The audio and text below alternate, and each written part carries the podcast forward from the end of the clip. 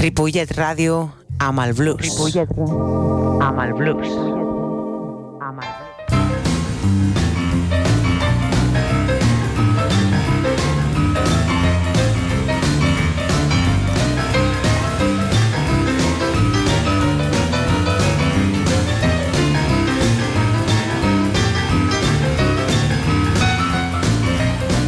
Molt bona tarda, benvinguts. Això és Blues Barrel House.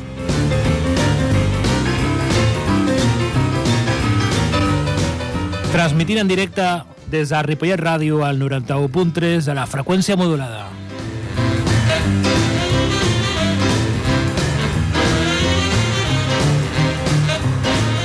Com sempre, el meu nom, David Giorcelli, tot un plaer. I avui al so tenim el senyor Toni Miralles.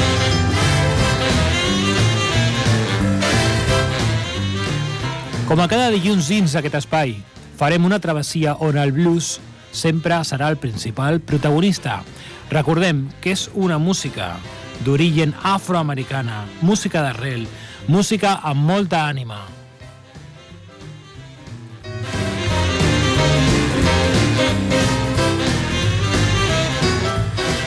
Bé, avui al programa parlarem de la coneguda popularment com la reina del blues, per la seva veu aspra i potent i el seu estil basat en el blues tradicional. Ladies and gentlemen, Coco Taylor.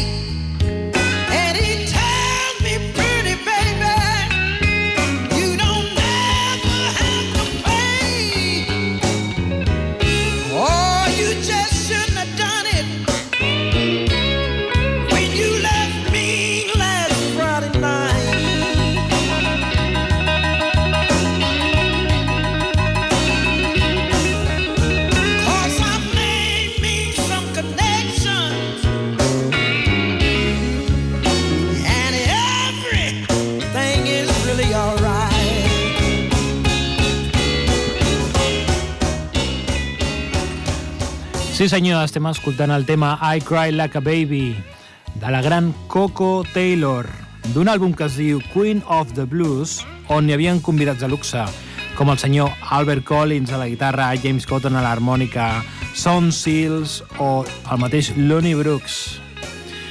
Coco Taylor, el seu ve- veritable nom era Cora Walton. Ella va néixer un 28 de setembre de 1928 a Memphis, Tennessee. Ella va ser una de les cantants nord-americanes de blues més grans i destacades a la seva època. Va brillar per tenir, per tenir un estil propi, sent batallada com la reina del blues, per posseir una veu potent i una textura aspra per a la interpretació del blues tradicional. Anem a escoltar un tema, un tema que es diu Peace of Man de l'àlbum Old School, enregistrat l'any 2007 al celler Alligator.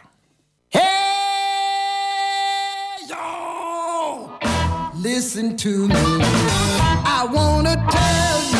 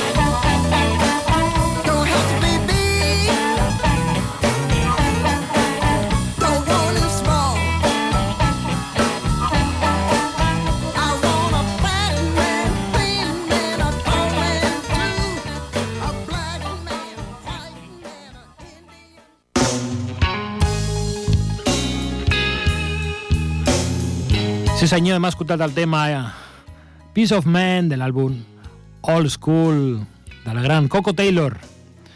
Avui el protagonisme tot per ella. El seu pare era un parcer a Memphis i la seva mare una dona de la llar. Desgraciadament aquesta va morir a l'any 1939 quan Cora només comptava amb 11 anys d'edat. Llavors ella i els seus germans van començar a treballar i ajudar el seu pare en les tasques associades als camps on treballava. Deu el seu sobrenom de Coco a la seva afició, amor i passió per la xocolata.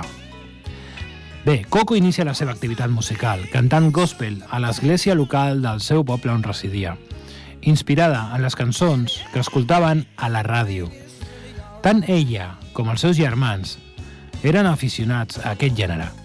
I mentre ella cantava, els seus germans tocaven la música amb instruments improvisats. Anem a escoltar directament el tema Jam for Joy de l'àlbum del mateix nom, enregistrat l'any 1990, també Alligator.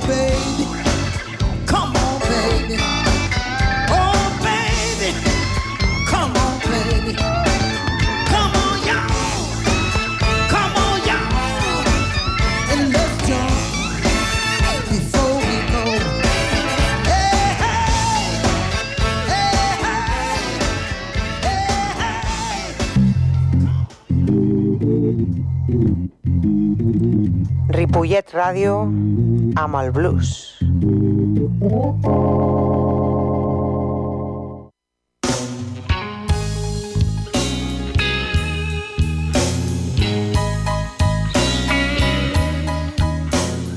Bé, continuem avui amb la temàtica del programa La gran Coco Taylor. Als 22 anys d'edat deixa la seva ciutat natal i es radica en el sud de Chicago, Illinois, amb la seva parella Robert Pops Taylor, un camioner de Memphis, sense saber que aquest viatge els portaria a viure l'experiència musical més gran de les seves vides. A la seva arribada a Chicago, tots dos comencen a buscar feina. Ell va començar a treballar en un escorxador i ella com a empleada domèstica. L'any 1953 contrauen núpcies segueixant la seva unió per sempre. Els Taylor, com era coneguda la parella durant les nits, s'ajuntaven a tocar cançons de blues i cada vegada que tenien l'oportunitat visitaven els clubs del, de blues del South Side de Chicago. Anem directament a escoltar un altre tema de la Coco Taylor, un clàssic popularitzat per la gran Eta James amb la veu de la Coco Taylor, I'd Rather Go Blind.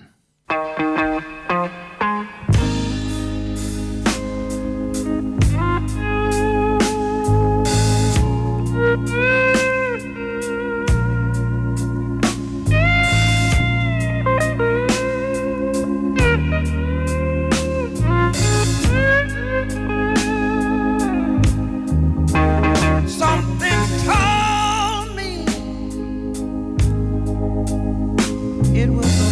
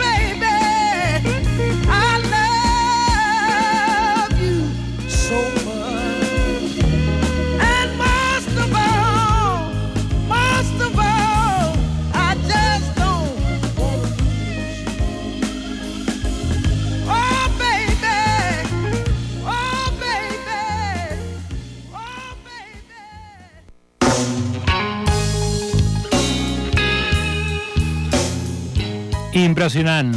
I Rather Go Blind, el clàssic de la Eta James, interpretada per la gran veu de Coco Taylor. Continuem a Blues Barrel House, parlant avui de la reina del blues. Bé, encoratjada per Robert, el seu home, Coco s'anima a ajuntar-se amb les bandes de blues del moment. I tenint una veu tan particular, gens habitual en el reflexe d'aquelles veus estridents i agudes de les cantants de blues d'aquells temps, es va anar obrint pas poc a poc fent-se notar i deixant el seu cellell allà on hi anava. A la fi dels anys 50, comença a cantar de manera amateur als bars i clubs de Chicago. Un procés que va durar almenys 12 anys, quan va ser descoberta a l'any 1962 pel gran Willie Dixon, tot un llegendari productor, compositor i baixista de l'època, qui la va ajudar a millorar les seves presentacions. Escoltem un altre tema, un clàssic del blues, el tema Big Boss Men. Això és un directe al Festival de Blues de Chicago de l'any 1994. Big Boss Men. Coco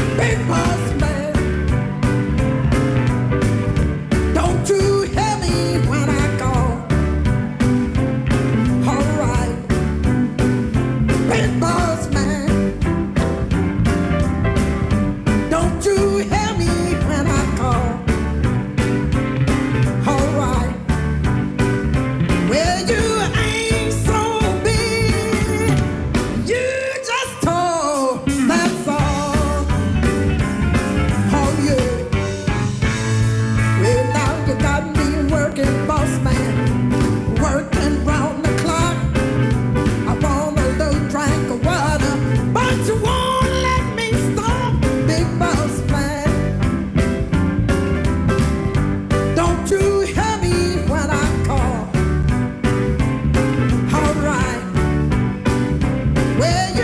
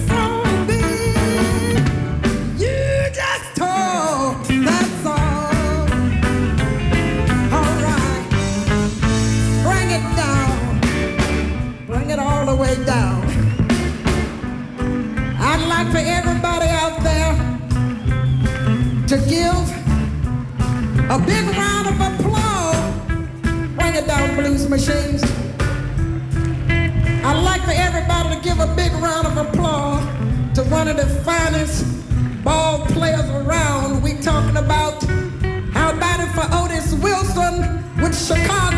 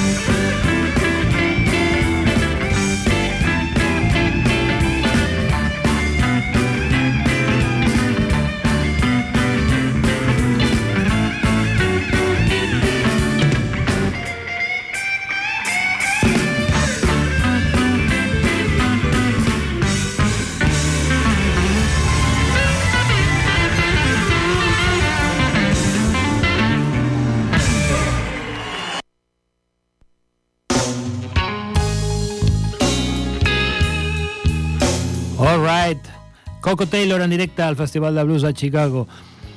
Bé, parlàvem del senyor Willie Dixon. Ell és qui li aconsegueix el seu primer contracte d'enregistrament.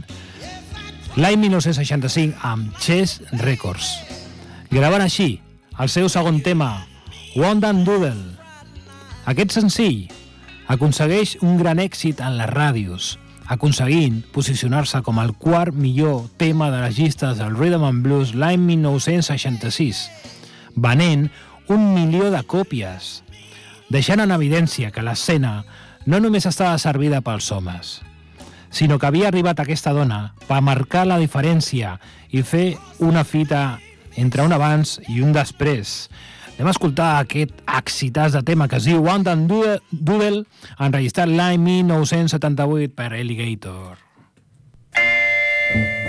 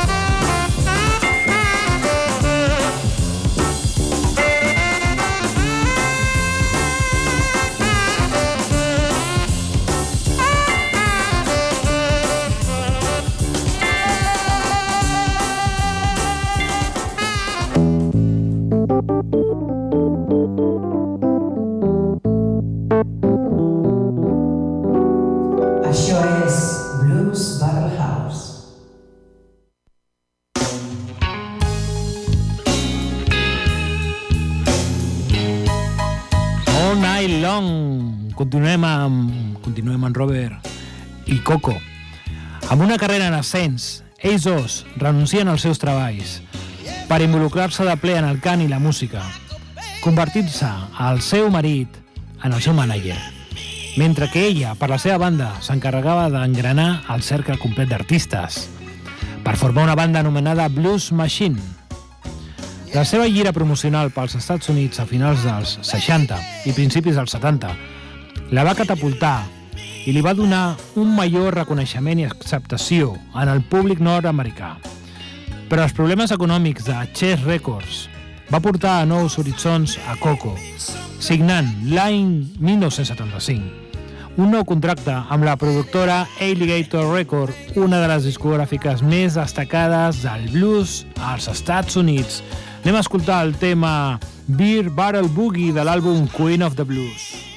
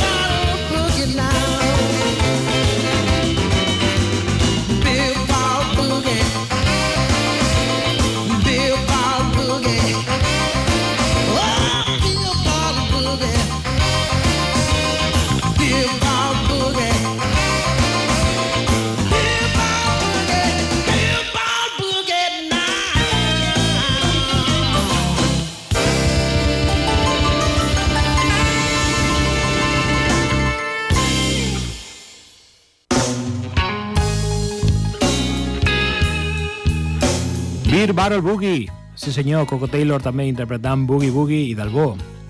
Bé, aquest mateix any, l'any 1975, debuta amb Alligator, llançant I Got What It Takes, el que li va valer la seva primera nominació als Grammy. L'any 1978, grava de Ace Shaker, material que recull uns quants elements del seu show en viu. Després d'una carrera musical vertiginosa en els anys 80, hi va haver un declivi per als cantants de blues. Però no obstant això, no va ser un problema en l'artista, que va continuar el seu camí d'èxits, aconseguint guanyar l'any 1980 el premi com a millor artista femenina contemporània. Anem a escoltar el tema Young Fashion Ways de l'àlbum All School.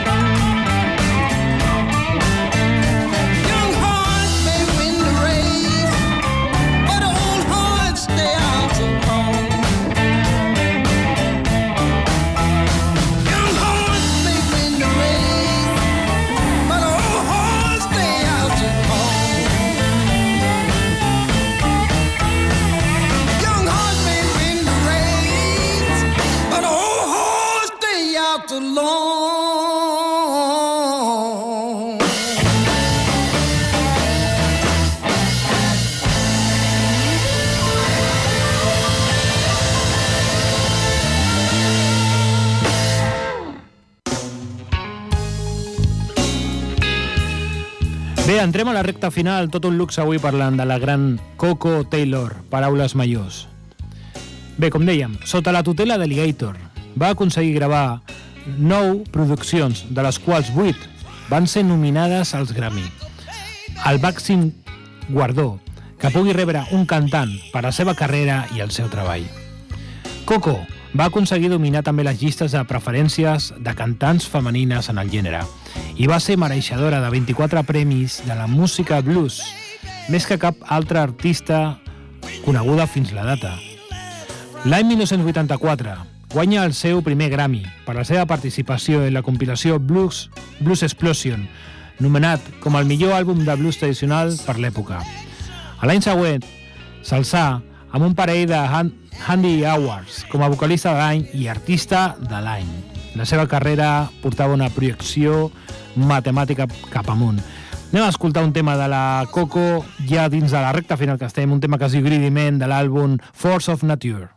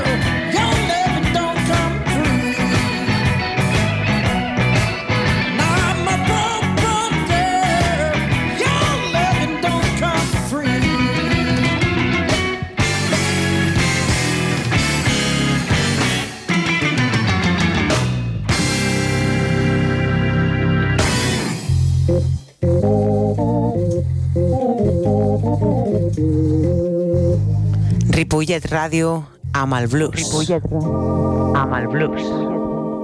Amb el blues.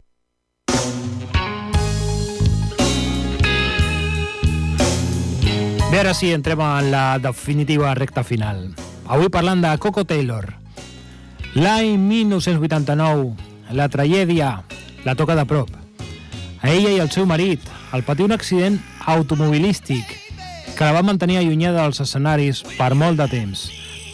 Mentre que el seu espòs no va comptar amb la mateixa sort, va patir una aturada cardíaca i es va recuperar, però poc temps després va morir.